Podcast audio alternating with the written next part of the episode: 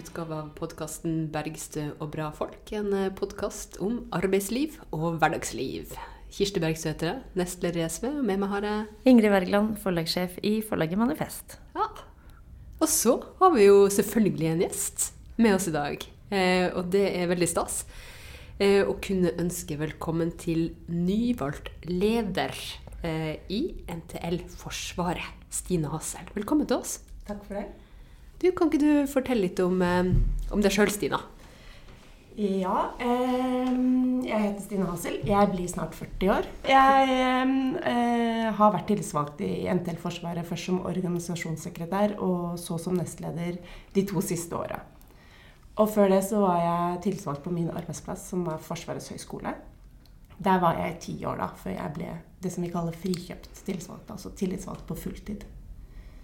Hva var det du gjorde der, da? Der jobba jeg på en liten avdeling som, som drev med trening til fredsbevarende operasjoner, gjerne i FN-regi, så jobba tett opp mot FN-systemet. Det var en veldig morsom og internasjonalt retta jobb. Så du jobba mer med fred enn med krig, da? Ja, det kan du si. Ja. Mm. Mm. Så fint. Men til Forsvaret, det er ikke sikkert at alle vet hvem som er organisert hos dere. Kan ikke du fortelle litt om, om det? Ja, nei, Vi organiserer kanskje en gruppe som ikke er så godt kjent. Fordi vi organiserer de sivile i Forsvaret, altså de uten uniform stort sett. Eh, så I tillegg til de sivile så organiserer vi lærlinger, men også noen få folk i uniform. Det er det vi kaller OR2-4, som er spesialistkorps, den nederste delen av det hierarkiet som er spesialistkorpset. Hva er spesialistkorpset, da? Nei, det er jo i motsetning til offiserskorpset, som, eh, som, driver med ledelse av militære og gjennomføring av militære operasjoner, så driver spesialistene med et fagområde. Det kan f.eks. være brann og redning da, på en militær flyplass. Det vil være en spesialist som gjør det. Mm. Og de kan være organisert hos oss. Nettopp. Så hvor mange medlemmer har dere? Vi har 5000 medlemmer i hele forsvarssektoren, for vi organiserer ikke bare i Forsvaret, men også i Forsvarsbygg, Forsvarets forskningsinstitutt og Forsvarsmaterialtjeneste. Men også eh, i eh, Nasjonal sikkerhetsmyndighet, som nå er flytta ut av forsvarssektoren inn i justis. Så mm. de er også hos oss, da. Mm. Nettopp. Så det er ja, sivile eh, kontorrotter. Ikke, ja, noen kontorrotter. Mye kjøkkenpersonell, verksted, eh, lager. Altså Det fins eh, veldig mange forskjellige arbeidsoppgaver i Forsvaret. Ja, veldig variert. Journalister er organisert hos oss, f.eks. Mm. Ja. Og renhold. Nei De var jo organisert hos oss, ja. men eh, nå er det jo svært få igjen, fordi det har blitt privatisert. Mm. Og det er jo det vi tenkte å snakke litt eh, nøye og inngående om i dag, mm. nemlig privatiseringa av Forsvaret, eller av eh, mange funksjoner og oppgaver i Forsvaret. Og eh, det er jo sikkert mange ut av de eh, tingene som har gått under radaren eh, for, for ja, ganske mange. Men akkurat det med renholdet, det tror jeg kanskje har fått nok oppmerksomhet til at det har festa seg hos en del, i hvert fall. Skal vi spole tida tilbake og si, si om hva som skjedde når det ble vedtatt at renholdet i Forsvaret skulle privatiseres, konkurranseutsettes? Ja, altså Det var jo en politisk beslutning eh, om at eh, Forsvaret ikke lenger skulle gjøre sitt eget renhold, men at det skulle privatiseres. Og da ble det lagt ut på anbud, og det var ISS som vant det anbudet. Eh, og mange gikk jo eh, av de som var ansatt i Forsvaret på renhold, gikk jo over til ISS. Og noen takka nei og ble sagt opp av Forsvaret. Og det har resultert i to ulike rettsprosesser som NTL har ført. da.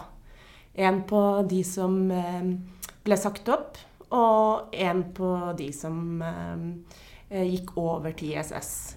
Og den første prosessen er avslutta. Der ble det inngått et forlik formelt, men jeg vil jo si at det var en, en seier for oss. Fordi nesten alle de renholderne som var med på det søksmålet, fikk jobben sin tilbake.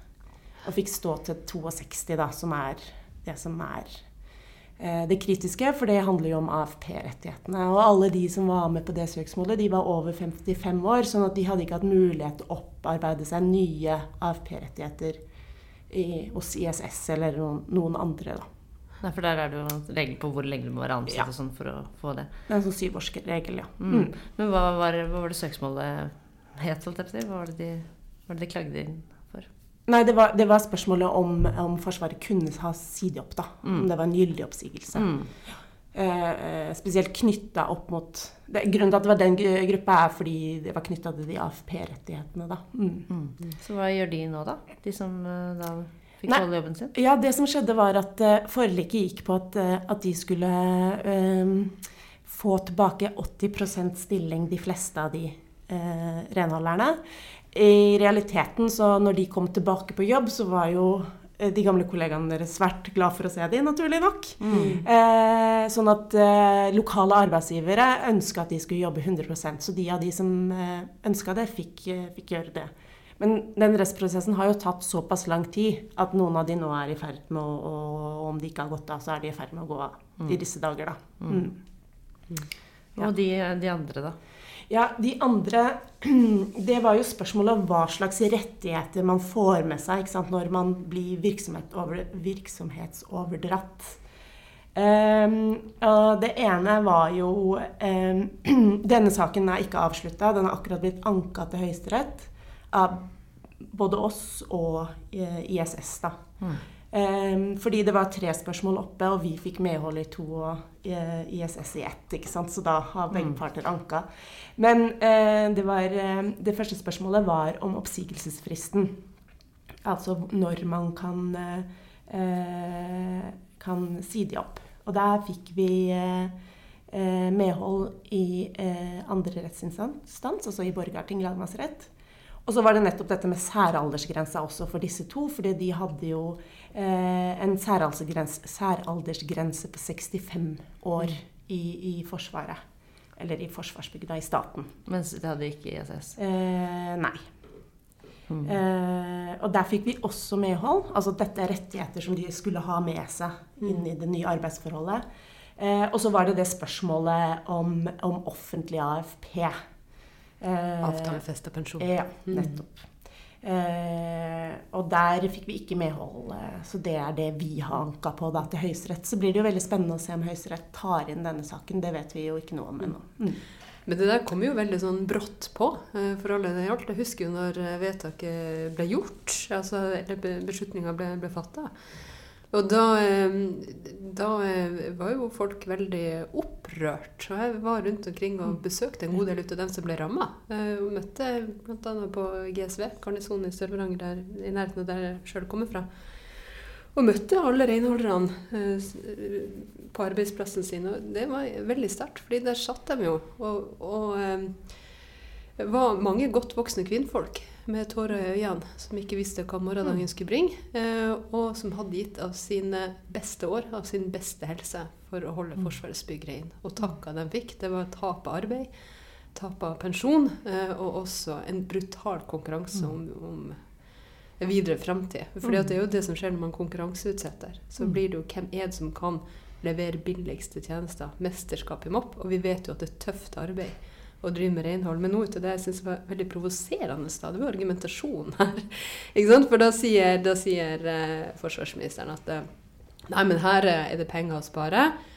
Eh, og så kan vi bruke mer på den operative tjenesten. Og da, eh, det ene er jo liksom Det er jo ikke så mye å spare på, eh, på å kutte godt renhold, for det er også godt vedlikehold i praksis. Og da har vi jo fått noen rare eksempler, som at man sliter med sikkerhetsklarering og får, må, må ha vektere som følger etter renholderne. Men, men det andre er jo at ingenting kan jo fungere uten godt renhold. Så det å liksom si at her må vi ta penger fra det for å heller bruke på den operative tjenesten, er jo en veldig sånn eh, provoserende måte å, eh, å prate på, og, og liksom fremstille kunstige motsetninger på. da. Mm. Ja. Det er jo et argument som vi hele tida hører, eh, at man må spare penger for å gi de pengene til den operative enden, eller den spisse enden, da, som eh, Forsvarets ledelse liker å kalle det. Ehm, og det er, jo, det er jo noen ting som er Forsvarets kjernevirksomhet. Det er jo ikke tvilsomt. Ikke? Vi skal beskytte landet, vi skal drive militære operasjoner. Det er jo derfor vi har et forsvar. Men det er jo sånn at de folka som har ansvaret for å planlegge og drive disse militære operasjonene, eh, de har jo behov for eh, renhold og mat eh, og stabstjenester og HR-tjenester og alle disse tinga. Og det er jo sånn at hvis man kutter i de tinga, så er det jo de folka i den operative enden som må gjøre det, da. For mm. de oppgavene må jo løses, ikke sant. Og det ser vi jo veldig tydelig på renhold, ikke sant. At i, i de mest ekstreme tilfellene så blir jo bygg stengt i Indre Troms. Mm. Og det er riktig som du sier at det er vanskelig ofte for sikkerhetsklarert personellet som skal vaske, men i Indre Troms så er jo problemet at de ikke greier å skaffe noen. Altså Det er ikke sikkerhetsklareringene som er problemet, de greier ikke å skaffe nok. De får ikke folk? Nei. Fordi arbeidsvilkåra er så harde, ikke sant. Og, For der har vi jo sett noen eksempler på folk som bare ikke klarte å stå i de ja. nye forholdene. Ja, og det er ikke mange ukene siden jeg var på Forsvarets forskningsinstitutt og snakka med noen som driver renhold der. For der er det ikke privatisert. ikke sant? Det er i Forsvaret det er privatisert, ikke i de andre etatene nødvendigvis. Eh, og hun hadde gått, var de som hadde gått over til ISS. Hun hadde vært ansatt som renholder i Forsvaret, gikk over til ISS og holdt et halvt år under det nye regimet. For hun sa det var altfor tøft. Det var helt umenneskelige krav til hvor mye man skulle vaske. Og når man er godt voksen, så er det Det var helt umulig for henne å nå de krava da. Så fikk hun denne jobben på FFI, på Forsvarets forskningsinstitutt, hvor hun er ansatt der, og ikke i et, uh, i et renholdsfirma, da. Jeg snakker med en som jobber eh, som er militært personell da, eh, på på GSV, den samme som jeg var besøkte renholderen til, og som forteller at nå er det dem sjøl eh, som ofte må gå ut med søppel, f.eks. Og da tenker jeg sånn Oi, var det det du mente, kjære forsvarsminister, med å styrke den operative tjenesten? At mm. de i uniform skal gjøre den slags ja. Mm. Nei, altså jeg har jo aldri vært i den operative men når jeg jobba på Forsvarets høgskole, så vaska jeg mitt eget kontor hver uke. For hvis ikke så ble det ikke gjort. Og det var jo ikke fordi at de som hadde ansvaret for renholdet der, eh, gjorde en dårlig jobb, men de hadde ikke forutsetninger for å gjøre alt det de skulle gjøre i løpet av en arbeidsdag. Det var helt Tida strakk ikke til. Ja, Kontraktene var for brutale. Ja. ja. Og det er jo ekstra provoserende at også renholdet i Forsvarsdepartementet ble jo satt ut. Men det har de jo henta inn igjen og ansatt sine egne renholdere der. Hva skjedde der? Nei, det må du ikke spørre meg om.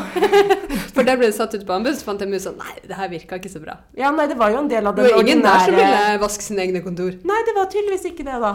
Så da måtte de ansette egne renholdere. Det er jo veldig, veldig provoserende at de kontorbygget som på Akershus festning hvor Forsvarsdepartementets ansatte sitter, der er det fast ansatte renholdere. Mens i nabobygget der Forsvarets personell sitter, der er det ISS som vasker. Ja. Nei, kvalitet og eh, arbeidsforhold henger uløselig sammen. Men det er jo ikke bare renhold som er utsatt for konkurransevirksomhet og den privatiseringstanken. Nei, altså vi er jo eh, Det er Vi opplever nok generelt at det er et stort privatiseringspress i forsvarssektoren. Eh, og det er snakk om både på HR-sida Når du sier HR, hva mener du da? Eh, altså det som er personell. Human resources-sida. Eh, eh, og på eh, vedlikehold av Forsvarets kjøretøyer, f.eks. Eh, og kanskje litt på, på lager. Det vet vi ikke noe om. Også, også på IKT-sida er, er, det snakk om dette. Men alt er litt sånn vagt eh, helt til det plutselig kommer et vedtak, da, sånn som det gjorde i renholdssaken. Verksted. Um, verksted. Vedlikehold av kjøretøy. Verksted. Ja. Mm. Men IKT det er jo litt uh, spesielt, for da snakker vi om uh, altså, datasikkerhet, og det er forsvarshemmeligheter uh, og jeg vet ikke, uh, Ja, kanskje dette russiske firmaet her kan ta denne eller Amerikanske storfirma, skal de ta Det, det ville vært verre. Ja. altså ja. fremmede makter generelt. Flytter inn i hver hjem. Ja, ja, det. Ja, ja eh, det skulle man tro at eh, Forsvarsdepartementet og den politiske ledelsen der var opptatt av. Den datasikkerheten og sånn. Mm. Eh, men det blir jo hevda at eh, store kommersielle firmaer er bedre i stand til å ivareta sikkerheten enn det Forsvaret selv er på sine egne nett. At det vil være en skyløsning vil være sikrere, eh, mener, eh, mener eh, de som har ansvaret for den type prosjekter i, i Forsvaret. Og det tror jeg kanskje ikke er utvilsomt. ikke sant? Microsoft for eksempel, har jo tusenvis av folk som bare jobber med datasikkerhet. Mm.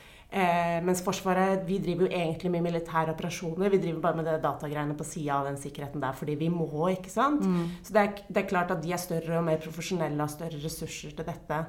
Men spørsmålet er jo hvem skal beskytte oss fra store, den store private aktøren? Og hvordan skal vi sikre at, at eh, de ikke gir bort vår informasjon, eller blir pålagt av andre eh, staters myndigheter å gi fra seg den informasjonen? Eller de kan bli oppkjøpt. Eller gå konkurs. ikke sant? Det er jo mange sånne ting.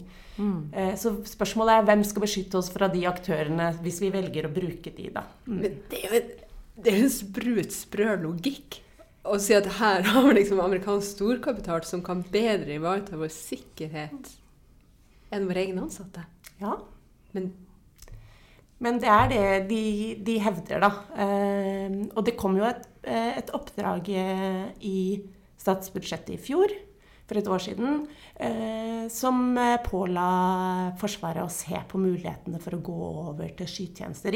vi har flere forskjellige graderte nett og sånn, og det aller hemmeligste det som heter hemmelig, det er ikke aktuelt. Å, heter det hemmelig? Det heter hemmelig. Det hemmeligste nettet. Du lager det på mappen 'Se på hemmelig'. Ja.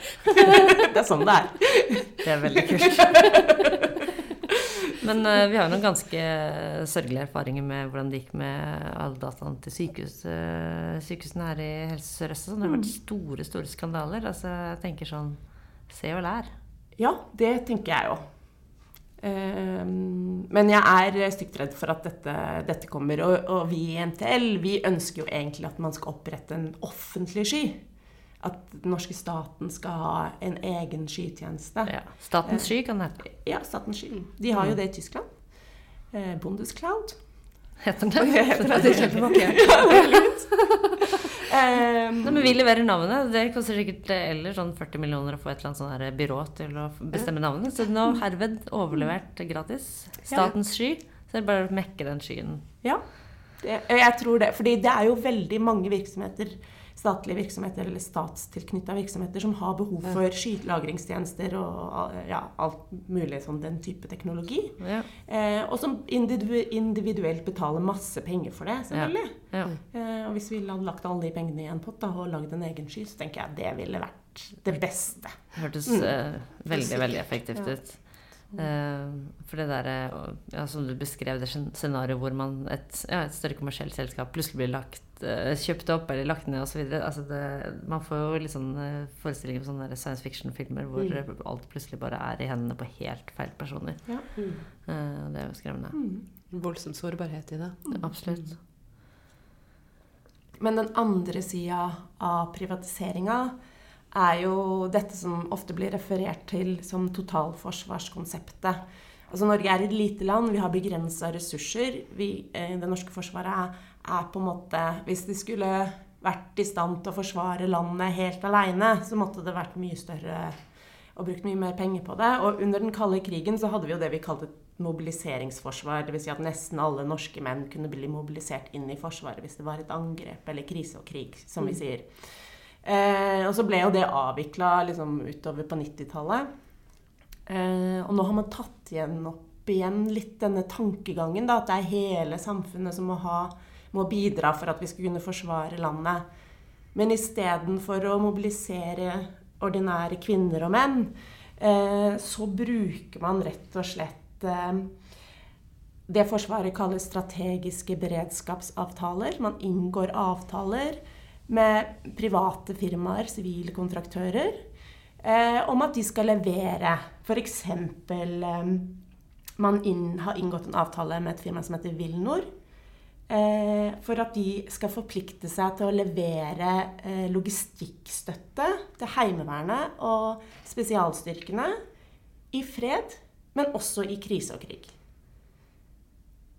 Så det betyr jo at logistikken skal leveres av en privat kontraktør som har sine ansatte på helt ordinære, altså tre måneders oppsigelsestid, ikke sant, den type ting. Eh, og de skal levere nå, og de skal levere hvis det er krise, men de skal også levere hvis det er krig. Eh, logistikk, da. Støtte, f.eks. Men kan man stole på det, da? Det er jo det som er spørsmålet. Eh, eh, altså um, Det er jo sånn at ansatte i Forsvaret kan jo ikke si opp i en krigstilstand. Eh, det står i våre arbeidskontrakter. Det er jo spesielt for oss. Eh, for det, er, det vil bli sett på som landsforræderi. Men det er klart Wilnor eller Bring eller Norwegian eller ISS har, har jo ikke den type klausuler i sine arbeidskontrakter. Så de, de ansatte der, tenker jeg Hvis jeg hadde jobba der for en ganske lav lønn og plutselig skulle vaske militære lokaler eller kjøre en lastebil i et krigsområde, det endra det regnestykket ganske betraktelig om det var verdt å verdt å gjøre den jobben, da, ikke sant. Mm. For den lønna på de vilkåra. Så Men samtidig så trenger vi jo, sant, som jeg var inne på, vi kan ikke gjøre alt sjæl. Vi må ha noe støtte. Men spørsmålet er jo hvor skal den grensa gå, ikke sant. Ja. Så her har man liksom overlatt logistikk eh, og, eh, og eh, opp, oppdrag til noen som har rett og slett et uavklart eh, forhold om det skulle bli om konfliktnivået i verden skulle øke, så kan vi forvente helt andre ting av dem. Enn, uh... Altså Kontrakten er jo bindende for det firmaet. Ja, men, men, det men, det er ikke bindende for de enkeltansatte. Mm. ikke sant? Det er jo det som er mm. ja. Og derfor er kanskje ikke den typen tankegang det som er best egnet til et forsvar. Nei, altså det som er i hvert fall sikkert, er jo at de private aktørene kan ikke være bærebjelken Altså for, eh, ansvaret for beredskapen må ligge hos Forsvaret. Mm. Eh, for det handler jo om rikets sikkerhet. Men det handler jo også om at det skal være demokratisk kontroll på dette. Det er, mm. også, det er den andre sida. Det, det, tenker jeg er nesten vel så viktig. Eh, for det handler jo om at folk skal tillit til Forsvaret. At det er demokratisk styrt. At beredskapen og forsvar styres av politisk, politiske beslutningsprosesser, og ikke av om en kontrakt ble overholdt eller ikke. ikke sant? Mm. Um, og så handler det jo også om at vi er jo avhengig av at det er forsvarsvilje i befolkninga. Og hvorfor Det blir jo veldig vanskelig å argumentere for det, da.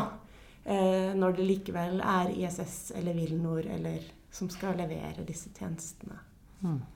Så, men akkurat hvor den grensa går, det, det er vanskelig å, å vite med sikkert sikkerhet. Men vi veldig Vi følger med på den prosessen, da. Nettopp. Sånn at, det, sånn at det, La oss si det hadde blitt krig, eh, og, og, de renholderne eh, fortsatt hadde vært ansatt i, i, Forsvaret, så ville de blitt da, dømt for landsforræderi hvis, hvis, de slutta, slutta å møte opp på jobb. Ja. Mens, mens nå, nå, så vil da eh, det ikke være sånn når de er mm. på jobb for ISS. Mm. Nettopp. Mm. Og det handler jo om lojalitet òg, ikke sant. Og det er klart, mm så senest i dag at Bring har eh, inngått en kontrakt med et polselskap, eller oppretta liksom, en polsk avdeling, eller ja, mm. Akkurat teknisk hvordan det er, mm. vet jeg ikke, men i hvert fall at sjåførene som skal kjøre for Bring i fremtida, vil jobbe på polske arbeidsvilkår, med mm. polske lønnsvilkår. Um, og Bring leverer jo eh, transporttjenester til Forsvaret. Uh, og hvorfor skal en polsk sjåfør være lojal mot den norske staten i en krigssituasjon, det er jo veldig vanskelig å se for seg at, at det vil være tilfellet. da. Eh, det kommer litt an på hvem vi er i krig med, selvfølgelig, men, eh, men mm. Eh, ja. Nei, det er noe grunnleggende her som, som, skurrer. Så selv om det er vanskelig å vite akkurat hvor grensa går, så tenker jeg at eh, noen likevel har gått over grensa eh, når det er utviklinga. Fordi det handler jo selvfølgelig om det overordna sikkerhetstrygghetsbildet, Men jeg tenker også at det er en, en, en, en sånn form for oppsplitting er jo også en sånn faglig fragmentering, og der man ikke ser på ressursene under ett. Mm. Som jeg tenker at man neppe kan tenke at Forsvaret er tjent med. Ja. Eh, og det var jo det Gjørv-kommisjonen sa etter 22.07. At det var problemet med samhandlinga og kommunikasjonen og det å samordne eh, alle de ressursene vi har. Og når Forsvaret da i en krise- og krigssituasjon skal samordne seg med mange altså Det er jo ikke bare én privat kontraktør, det er jo mange ulike private kontraktører. Eh, og man kan se for, altså, det er jo ikke usannsynlig at, at kommunikasjonslinjer, altså internett og telefoni og sånn, har brutt sammen da, i en, i en krigssituasjon. Mm. Hvordan skal man gjøre det? ikke sant? Eh, og det er jo sånn som egentlig ikke er testa. Vi har jo øvelser og sånn, men, men likevel tenker jeg at dette er ikke Eh, reelt testa. Og jeg tror at eh, evnen til å samhandle vil jo i hvert fall være svært svekka mm. med dette, denne måten å organisere det på. Da. Det høres veldig amerikansk ut. Det er jo det man hører om amerikanske krigsoperasjoner og sånn. Det er veldig mange store amerikanske firmaer som er inne. ikke sant? Du har en stor militærindustri eller militærindustrielle kompleks, eller hva man kaller det. Eh, som har ja, både store interesser og, og enorme summer da, å tjene på, på krig. Mm. Jeg tror nok at de, de, kontraktene med Forsvaret er ganske attraktive. Eh, det tror jeg. I hvert fall i fredstid. Mm. Altså, ja. Så kan jo det fort endre seg, selvfølgelig. Ja. Mm. mm. Men det er jo ikke sånn at vi mener at det ikke skal være noen private kontaktører eh, Eh, inne i det norske forsvaret, det, det, må jeg være tydelig på. Altså. Mm. Nei, men det er jo snakk om balansegang også. Snakk om hvordan man skal se ressurser under ett. For jeg møtte noen tillitsvalgte som jobba på, eh, på et forsvarsanlegg, da, som fortalte at Nå må jeg prøver å se om jeg klarer å huske det her riktig. At det var kjøpt inn nye stridsvogner, tror jeg. Eh, også, eller i hvert fall noe stort, flott utstyr. Eh, og så eh, var de som De her garasjene, eller det er sikkert ikke en vanlig garasje, men sånn eh, svære eh, lagringsplasser eh, som de her passa inn i. Eh, de eh, hadde, var jo da eh, privatisert. så da var det nærmest markedsleie for å leie de her hallene. Som gjorde at man ikke hadde råd til å putte de her flotte nye kjøretøyene inn under tak, og som innebar en helt annen type slitasje enn om man bare kunne eie det alt sammen uh, og bruke de tomme byggene som tross alt sto der uh, og var svære nok til å romme de her kjøretøyene, som er, som er litt uh, uklart i minnet hva, hva var for noe. Og, og, så, og det, er jo, det, er jo, litt sånn koko-greier som jeg tenker at sånn burde man jo ikke styre eh, offentlige investeringer eller noe vi tenker at er nødvendig eh, for å forsvare landet vårt. Mm.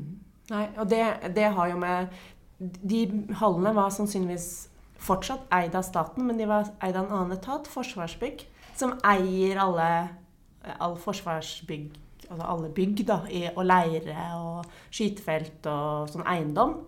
Eh, og så er det jo sånn at Forsvaret leier av de, og da er det jo en slags markedsleie man betaler. Mm. Så det er, det er, helt riktig som du sier at det finnes mange eksempler på det. At man Forsvaret ikke har råd til å betale leia for de hallene hvor de egentlig skulle lagra stridsvogner, da, f.eks. Og så er det jo ikke sånn at det er sånn Å, da tar lokale idrettslag og leier i stedet, så vi kan ha en Nei, de står jo tomme, ikke sant. Ja. Og så står de her stridsvognene og blir mer slitne enn nødvendig fordi de ikke får tak over seg. Åh, det får hjernepris. ja, man gjør det. F.eks. på Romerike tekniske verksted. Der var det han som var eh, verkstedsjefen der. Han eh, hadde ikke råd til å leie eller få Der var det behov for å sette opp noen strukturer. Det var ikke allerede. Så han hadde ikke råd til i sine budsjetter å få Forsvarsbygg til å gjøre det, fordi da er det jo markedspris. sant? Mm. Eh, så det han gjorde, var at han fikk satt opp noen sånne midlertidige telthaller. For det, det kunne han gjøre selv. Da måtte han bare betale leie for grunnen. Ah. så kunne han så da begynner det jo å bli litt absurd, da. Når man omgår for å få råd til å sette ting under tak. Ta vare på tingene som ja. vi trenger mm. for å forsvare landet vårt. Ja, og som vi har betalt mange penger for, ja. ikke minst. Jeg jobbet i, i NRK, og under Bernander så ble det satt i gang en sånn storstilt uh, New Public Management-organisering. Uh, og da husker jeg at vi hadde eh, jobba som produsent i et radioprogram, og så måtte vi jo forholde sånn eh, ja, Som produsent måtte jeg ikke forholde meg så mye til budsjett, for det gjorde på en måte sjefen min, men jeg fikk jo litt beskjeder innimellom, da. Og så trengte vi en tekniker eller et eller annet Jeg husker ikke helt hva vi trengte, men det var i hvert fall en eller annen funksjon vi trengte. Og så sa hun eh, som sjefen sånn Ja, det koster jo litt. Jeg bare Å ja, ok, jeg har ikke råd til Nei, nei, nei, men det er jo Hva kalte hun det? Eh, jeg tror hun kalte det jo det, men det er internpenger, det er ikke, det er ikke eksternpenger. Så jeg sånn Hæ? Er det forskjell på penger? Jeg skjønte ingenting. Jeg ante jo ikke hva hun snakket om. Og så var det jo åpenbart at fordi borti gangen så satt jo en tekniker og tvinn tommeltotter og Så vi kunne jo bruke han, og det var jo internt penger, så det var ikke så farlig, liksom. Men, men, men eh, bare det at det var liksom forskjell på penger, det kostet det og det, men ja, det var veldig forvirrende for meg. Men, men, det ble mange eksempler på sånne ting. Da, at nei, det og det programmet hadde ikke råd til å ha, ha, ha, ha lydtekniker. Og så visste vi at borti gangen så satt det fem teknikere og gjorde ingenting. For de venta for det. De gjorde ingenting? De. Nei, altså, jo, de satt jo og venta på De oppdrag. ventet på oppdrag, ja, ja, de, satt, ja, de drakk jo kaffe, liksom. Så de gjorde jo noe. Men altså, de satt faktisk og, og ventet på oppdrag. Og så, så var det et program i, som borti gangen som ikke, som ikke hadde råd til å ha tekniker, da.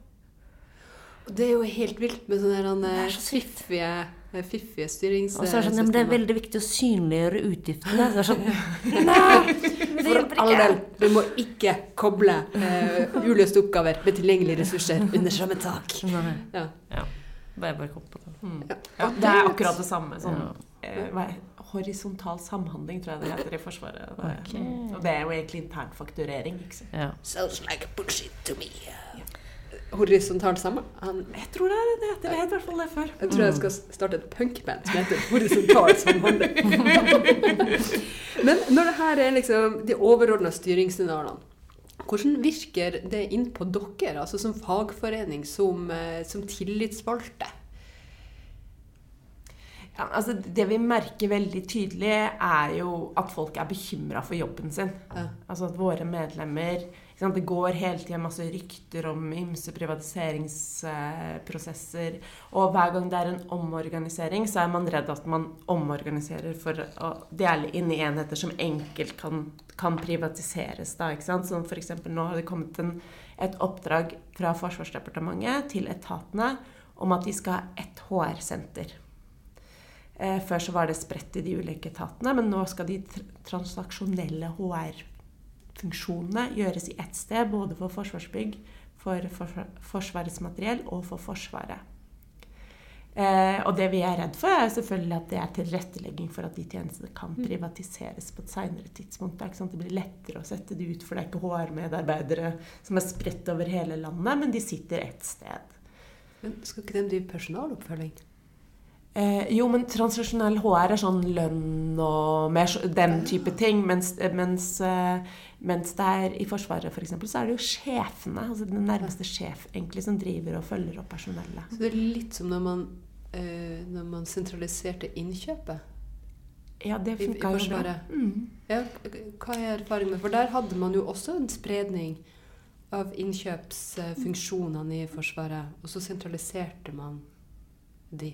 Ja, man gjorde i hvert fall et forsøk. Altså, tanken var jo at det satt eh, eh, lokale innkjøpere eh, rundt omkring i avdelingene som hadde ansvar for å gjøre innkjøpa. Eh, og så tenkte man at det er ikke så effektivt. Det er mye mer effektivt hvis alle innkjøperne sitter ett sted og blir et stort fagmiljø og gjør alle innkjøpa fra ett sted. Ehm, Robust fagmiljø. et robust fagmiljø, ja. ja det, mm. eh, og da fjerna man en masse stillinger, da, de innkjøperstillingene. Ca. halvparten av innkjøperstillingene ute i driftsenhetene eller i avdelingene ble fjerna. Eh, og så skulle man samtidig bemanne opp denne sentrale enheten da, som skulle drive med innkjøp. Men det greide man jo ikke helt å oppbemanne den. Sånn at Det som skjedde, var jo at eh, innkjøpskapasiteten i en avdeling f.eks. ble halvert, eller enda, enda mye mindre enn det den var. Eh, og de personene som ordinært skulle drive med, tidligere drevet med innkjøp, ble satt til andre arbeids, arbeidsoppgaver. Eh, men så fikk jo ikke den lille, bitte lille innkjøperen som var igjen, støtte fra denne sentrale organisasjonen. For de hadde jo ikke kapasitet, for de var jo ikke oppbemanna. Eh, så det gjorde noe med arbeidsbelastningene arbeidsbelastningen til de innkjøperne som var igjen ute i avdelingene. Da. Og det er jo ganske typisk for sånne prosesser at man tar ut det man tror man har effektivisert, lenge, lenge, lenge før effektivisering, effektiviseringa faktisk er gjennomført. ikke sant? Man har gjort det samme på HR-området. Man skulle bruke teknologi. Så viser det at de sa opp Eller 200 årsverk ble redusert, f.eks. Eh, men så er jo ikke teknologien på plass. Mm. Så da, ja, og det gjør man ja, Det er vel kanskje noe man ikke lærer av, da. At man tar ut effektene før de har oppstått. Men hvis man privatiserer sånn regnskap og eh, refundering av reiseutgifter og sånne ting, da begynner man å få ganske god oversikt over hvordan Forsvaret jobber i dette private firmaet som plutselig er sånn Oi, jeg så reiste til Kabul, det er spennende. ja, altså det er ikke så veldig farlig. Altså jeg, når jeg jobba i Forsvaret, så reiste jeg mye. Men, men, det var på en måte åpne og kjente reiser. Men det er jo klart eh, Spesialstyrkene leverer jo også reiseregninger. Mm. Og det er det nok kanskje litt sånn større interesse knytta til eh, akkurat det, da, enn hva vi vanlige gjør. Men, altså jeg har sett Le Byrå, liksom. Den franske TV-serien. Som jo der, der, blir man jo veldig paranoid, og da, man, da tenker man at jeg tror ikke de har drevet og outsourca, liksom. Du må lære av dem. Mm. Ja. Mm. Lære av TV-seriene. Ja, det, ja. Det, det, er der Ja, jeg har lært veldig mye. Men det her høres jo ikke ut som prosesser som, som på en måte ansatte og tillitsvalgte har vært involvert i overhodet. For da eh, i hvert fall ikke blitt hørt på. For siden, siden, siden man gjør ting litt sånn over hodet på folk og Eh, og, og, havner så eh, kan du si skeivt ut. Selv om sikkert målene på papiret er fine, og sånt, så pleier det sjelden å gå veldig bra hvis ikke du hører på dem som faktisk gjør jobben og vet hvordan ting funker. Ja. Hvordan er det egentlig med medbestemmelse og, og uh, prosesser knytta til det i de tingene som, som har vært? Altså Formelt så vil jeg jo si at medbestemmelsen veldig ofte blir ivaretatt i, i, i Forsvaret. Altså man får være med på ja. møtene? Eh, og man blir informert, og det er drøftinger og sånn. Men man blir jo ikke, eh, som du er inne på, så veldig ofte hørt. Eh, fordi, og det tror jeg er, har mye å gjøre med at innsparingskravene som kommer, er så store mm. Eh, at eh, selv om man vet at hvis man privatiserer, så blir det masse ekstrakostnader som man ikke tar med inn i regnestykkene, egentlig så er det politiske presset så, så, så sterkt at det blir likevel gjort på den måten, da. Um, men eh, i Forsvaret så har, har, vi hatt en sånn en frikjøpsavtale, så det har vært 28,5 årsverk som har vært eh, tillitsvalgte lønna av Forsvaret for, for å drive med, drive med tillitsvalgtsarbeid på eh, fulltid. Og det har vært veldig viktig, fordi eh, nå er nok lojaliteten og lojalitetsplikten høy i hele den statlige sektor, men ekstra sterk i Forsvaret. Og det er klart Spesielt for uniformert personell så er det veldig vanskelig å gå åpent ut og kritisere Forsvarets ledelse. og Det blir ofte ganske hardt slått ned, eh, slått ned på. Derfor har det vært veldig viktig at vi har hatt disse frikjøpte tillitsvalgte som ikke har hatt en militær sjef. ikke sant? Det er forbundets ledelse som har vært deres sjefer da, i de militære organisasjonene. Um, men nå er den avtalen sagt opp med virkning fra uh, neste sommer. Altså det at dere skal ha frikjøpte tillitsvalgte? Ja. Um, det som skjedde, var uh, Nå er jeg litt usikker på tidsaspektet. Skjedd, uh, ja. I løpet av det siste året så kom det et, et skriv fra Forsvarsdepartementet til, til Forsvaret med overskriften 'Budsjettbalanserende tiltak' skulle spares 55 millioner. Det er jo for så vidt greit nok. Men der var det lista tre tiltak, eller fire. Og det ene var at det skulle spares 30 millioner i frikjøpsavtalen. Og den er jo Altså det er 28 årsverk, så på en måte. Ja. Det er jo 30 millioner. Ja. Um, så det var jo Vi opplevde det som et politisk pålegg om at Forsvarets ledelse eller forsvarssjefen ikke lenger kunne organisere medbestemmelsen sånn som han måtte ønske. Um, og så har det vært litt sånn backtracking siden, og departementet bestrider ikke at de har sendt det skrivet, men de mener nå at det er forsvarssjefens, forsvarssjefens avgjørelse å si opp denne avtalen. Og det har jo naturlig nok medført en del støy. Uh, så nå det Nå sitter man i samtaler hvor man prøver å få noe annet på beina, men, men og forsvarsledelse sier ja, kanskje organisasjonene kan få ett årsverk hver. Og det er jo ganske stor forskjell på 28,5 altså til sammen, da, og én per fem-seks organisasjoner. Altså sånn, mm. ja. Eh, og det er jo et ganske kraftig signal, syns jeg, om hvordan, eh, hvordan forsvarssjefen ønsker å organisere medbestemmelsen. Men så sier han også at eh, det vil være opp til hver, egen, egen, hver enkelt driftsenhet. Det er de enhetene under Forsvaret, altså avdelingene, på en måte Hæren f.eks. om de ønsker å frikjøpe sine tillitsvalgte. Men det er klart, da, blir det jo, da må de ta det av eget budsjett. Så det er jo ikke, da ligger det ikke lenger liksom på overordna forsvarsbudsjettet. Da ligger det på Hærens budsjett. Og da blir jo konkurransen om de midlene mye hardere. Man må prioritere mye hardere. Og så er jeg jo redd for at der som medbestemmelsen allerede har gode vilkår, der vil det gå i orden og bli bra, sikkert. Men i de avdelingene hvor medbestemmelsen allerede er anstrengt, så ser jeg ikke for meg at, at lederne for de avdelingene vil prioritere å frikjøpe tillitsvalgte. ikke sant? Så ja, det, akkurat det er jo ikke så veldig lyst. Så da må vi bruke hovedavtalen, da. Mm. For å få fri til å drive tillitsvalgtsarbeid.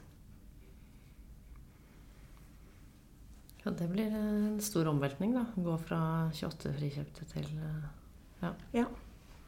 én. Mm. Men det høres ut som eh, politisk styrt eh, forsøk på fagforeningsknusing, spør du meg. Men det må jo bare føre til at At signalene som, som tillitsvalgte i dag er frikjøpte, eh, sender videre og, og jobber med, tyter ut andre plasser. Så det må jo eh, bli en sånn bit seg sjøl i ræva-innsparing. Fordi at eh, fordi kritikkverdige forhold må jo løftes opp. Eh, og fjerner du de, de gode strukturene for det, ja, så vil man jo risikere å få en annen debatt i det offentlige rom.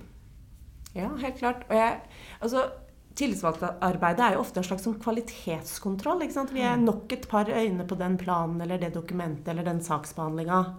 Eh, og det vil jo det blir mye mindre av. Eh, også. også. I tillegg så har vi selvfølgelig en sånn politisk eh, rolle. Men bare den der daglige kvalitetskontrollen som tillitsvalgte driver med på alle nivåer, da, den vil jo bli svakere. Og det betyr dårligere forsvar. Nei, det er jo ofte man sier at med en gang liksom konkurranseutsetting er liksom kommet i gang, og så, videre, så er det på en måte vanskelig å Eller altså når, markedet spiser seg inn da, på, på nye arenaer, så er det liksom vanskelig å, å reversere det. Eh, det berømte bildet av eh, tannkremen som kommer ut av tuben og vanskelig å få inn igjen og sånn. Men, eh, men når man ser på at eh, f.eks. For Forsvarsdepartementet tok renhold tilbake, så, så er jo det, er det lov å være litt optimist på at det går an å rette opp igjen en del av de, den utviklingen som foregår nå, da. Må vi håpe. Ja, absolutt. Og må vi tenker- tro. Hvis ikke kan vi jo bare gå hjem og legge oss. Ja. Nei, altså det, det, må jo, det går jo an, det. Eh, men man trenger jo en annen politisk ledelse med helt andre, med helt andre mål og visjoner. Og jeg tenker jo at det, det å i det hele tatt vurdere å kutte på medbestemmelse eh, er jo så feil som det kan gå. Eh, og samtidig liksom prøve å kjøre et privatiseringstog inn i, inn i landets eh, sikkerhet. Mm, ja. Og det handler jo om politisk vilje. Eh, og det var jo veldig lett i, ifølge politisk nivå å privatisere renholdet. Og da tenker jeg da må det være like lett å ta det inn igjen. Mm. Det får vi eh, tenke at det er en, eh, et oppdrag eh, for fremtida. Ta tilbake renhold, verste det som trengs av, av funksjoner og tjenester, sånn at Forsvaret kan bli ett mm. og helt og sterkt. Men du, Stina, du har jo ikke alltid vært i NTL. del, Du har jo ikke alltid jobba med forsvar. Nei. Nå, Vi har jo et fast spørsmål. Nettopp. Det er nemlig Hva var din første jobb? Aller, aller første. Ja, det har jeg, jo, jeg har jo hørt noen av disse podkastene, så jeg visste at de kom. Og da kan jeg si med sikkerhet at det var å plukke jordbær. Nei, Nei, er det sant? jordbær igjen! Du, det er faktisk Det er en ganske mange mange som har uh, det- jordbærplukking. Var du rask? Jeg tror nok jeg var ganske rask. Men jeg var ikke den raskeste, det husker jeg. Det gjorde inntrykk på meg, for det var jo per kurv. Ja. Så det, jeg husker at det var ei som var raskere enn meg. Hva fikk du per kule? Nei, det husker jeg ikke. Hvor var dette, da? Det var i Lillesand. På liksom gården ned forbi der jeg vokste opp. Lillesand? Er du fra Lillesand? Ja, Ja, det skjønner du godt. Ja, det. Hva skjedde? Hva skjedde med skarre-r-en? Foreldrene mine er trøndere, Ja. så jeg begynte egentlig aldri å skarre. Så det er det som er forklaringa. Men du vokste opp i denne sørlandsperla. Ja. Flytta ned jeg ble 18. Gjorde gjorde du det for å, å eh, studere et annet sted, eller? Ja. Ja, da flytta jeg til Sør-Afrika. Oi, hei! Det- Det vil jeg kalle et annet sted. Ja. absolutt. Men min første ordentlige jobb, altså sånn fulltidsjobb, det var i lakseindustrien på, på Fjellversøya utenfor Trond, altså i Trondheimsfjorden. Oi. Så det var, det var en veldig fin jobb, altså. Hva gjorde du der, da? Sto på gulvet og rensa fisk. Da, og Eh, sorterte og pakka. da, eller? Ja. Mm. Var du organiserte organisert i NNN, da, eller? Altså, Hvis jeg var organisert, så var det i NNN, men jeg kan ikke huske det, rett og slett. Det er jo veldig, veldig dårlig. Par, Men- par år siden. Men da Ja, det er jo noen Ja. år siden. Men, eh, men jeg tenker at hvis jeg hadde blitt spurt, så hadde jeg nok sagt ja. Og det er jo viktig for oss tillitsvalgte å huske at det er faktisk bare å spørre om folk er organisert, og om de vil. Det er det aller viktigste vi gjør, egentlig. Så det mm. Det er sant. Det var kloke ord å ta med seg for alle og enhver videre i dagen. Så da vil jeg bare si tusen takk for at du kom til oss og hadde en eh, veldig fin og spennende samtale. Det er vi glad for. Takk for meg. Og takk til deg som eh, hørte på. Vi håper du fortsetter med det. Takk til Dr. Wergeland for eh, musikken. Og så gjenstår det bare å ønske alle en helt fantastisk eh, fin dag.